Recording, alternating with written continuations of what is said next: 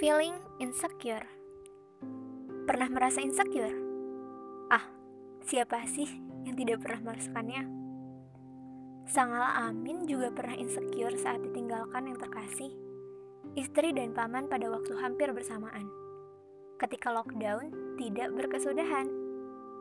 Setelah itu, yang terkasih menghiburnya ke langit, seakan dengan lantang bilang, Hei, kamu gak sendirian. Di atas tanah badar juga begitu. Meskipun berbuah kemenangan, tidakkah ngeri melihat jumlah pasukan yang tiga kali lipat besarnya untuk dilawan? Secara manusiawi, jika seandainya kita ada di zaman itu, barangkali kita akan bilang takut, kita akan bilang mustahil, kita akan bilang kalau ini semua adalah tentang penyerahan diri terhadap tangan-tangan lawan tanpa perhitungan matang. Lalu, apa yang membuat si budak Habsyi hitam mendadak naik pangkat untuk menyuarakan keagungan? Apa yang membuat Abul Hakam diubah namanya menjadi Abu Jahal atau Bapak Kebodohan? Padahal, ia adalah ahli hukum, rajin berderma, pun pintar menulis dan membaca. Apa yang membuat anak keluarga budak, strata terendah pada masyarakat Arab pada saat itu, di usianya yang belia, sudah jadi panglima? Apa yang membuat idaman para wanita Mus'ab rela meninggalkan semuanya? Serta apa yang membuat para penjajah frustasi pada perang Aceh yang berlangsung alat Padahal secara logika, mereka jelas pemenangnya. Kita sering menyiksa diri dengan ambisi, padahal memang bukan porsi.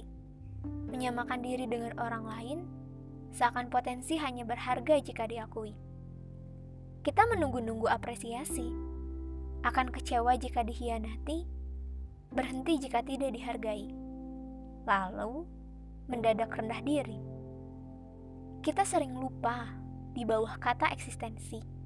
Manusia sering kali bertransformasi menjadi makhluk disorientasi, mengedepankan nafsu pribadi, acuh terhadap pihak yang merugi. Eksistensi tanpa mengenal esensi, eksistensi tanpa didasari orientasi sejati, eksistensi sekedar tampak di muka bumi. Maka jika ditanya, Eksistensi di hadapan siapakah yang siap dijadikan patokan dan menjadi sandaran? Lah, kita mau jawab apa ya? Seorang teman pernah bilang gini, sombong adalah sama dengan rendah diri. Kenapa sama? Dia bilang jika sombong merasa tinggi, benar seorang diri sambil merendahkan orang lain. Nah itu jelas berbeda. Tapi kemudian dia bilang, rendah diri adalah sombong dalam kemasan yang manis.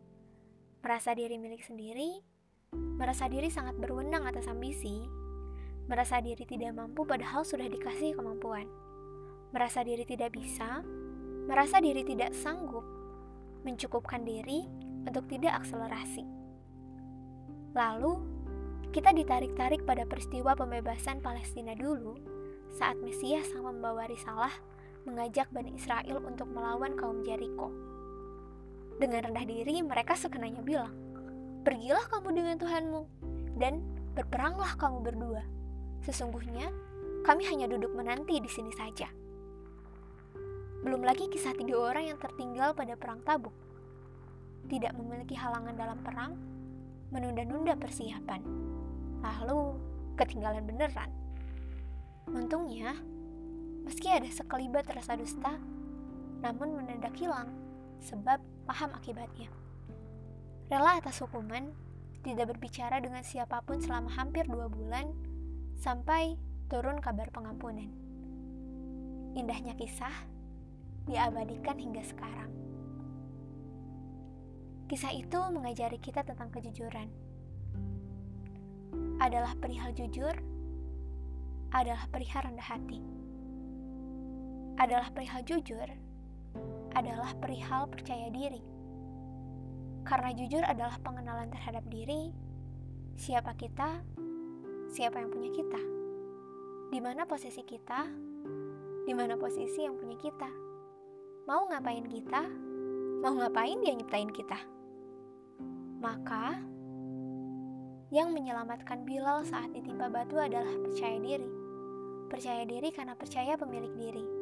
Percaya diri karena dia tidak pernah ingkar janji. Percaya diri karena percaya Allah meningkatkan level of thinking kita selevel bumi.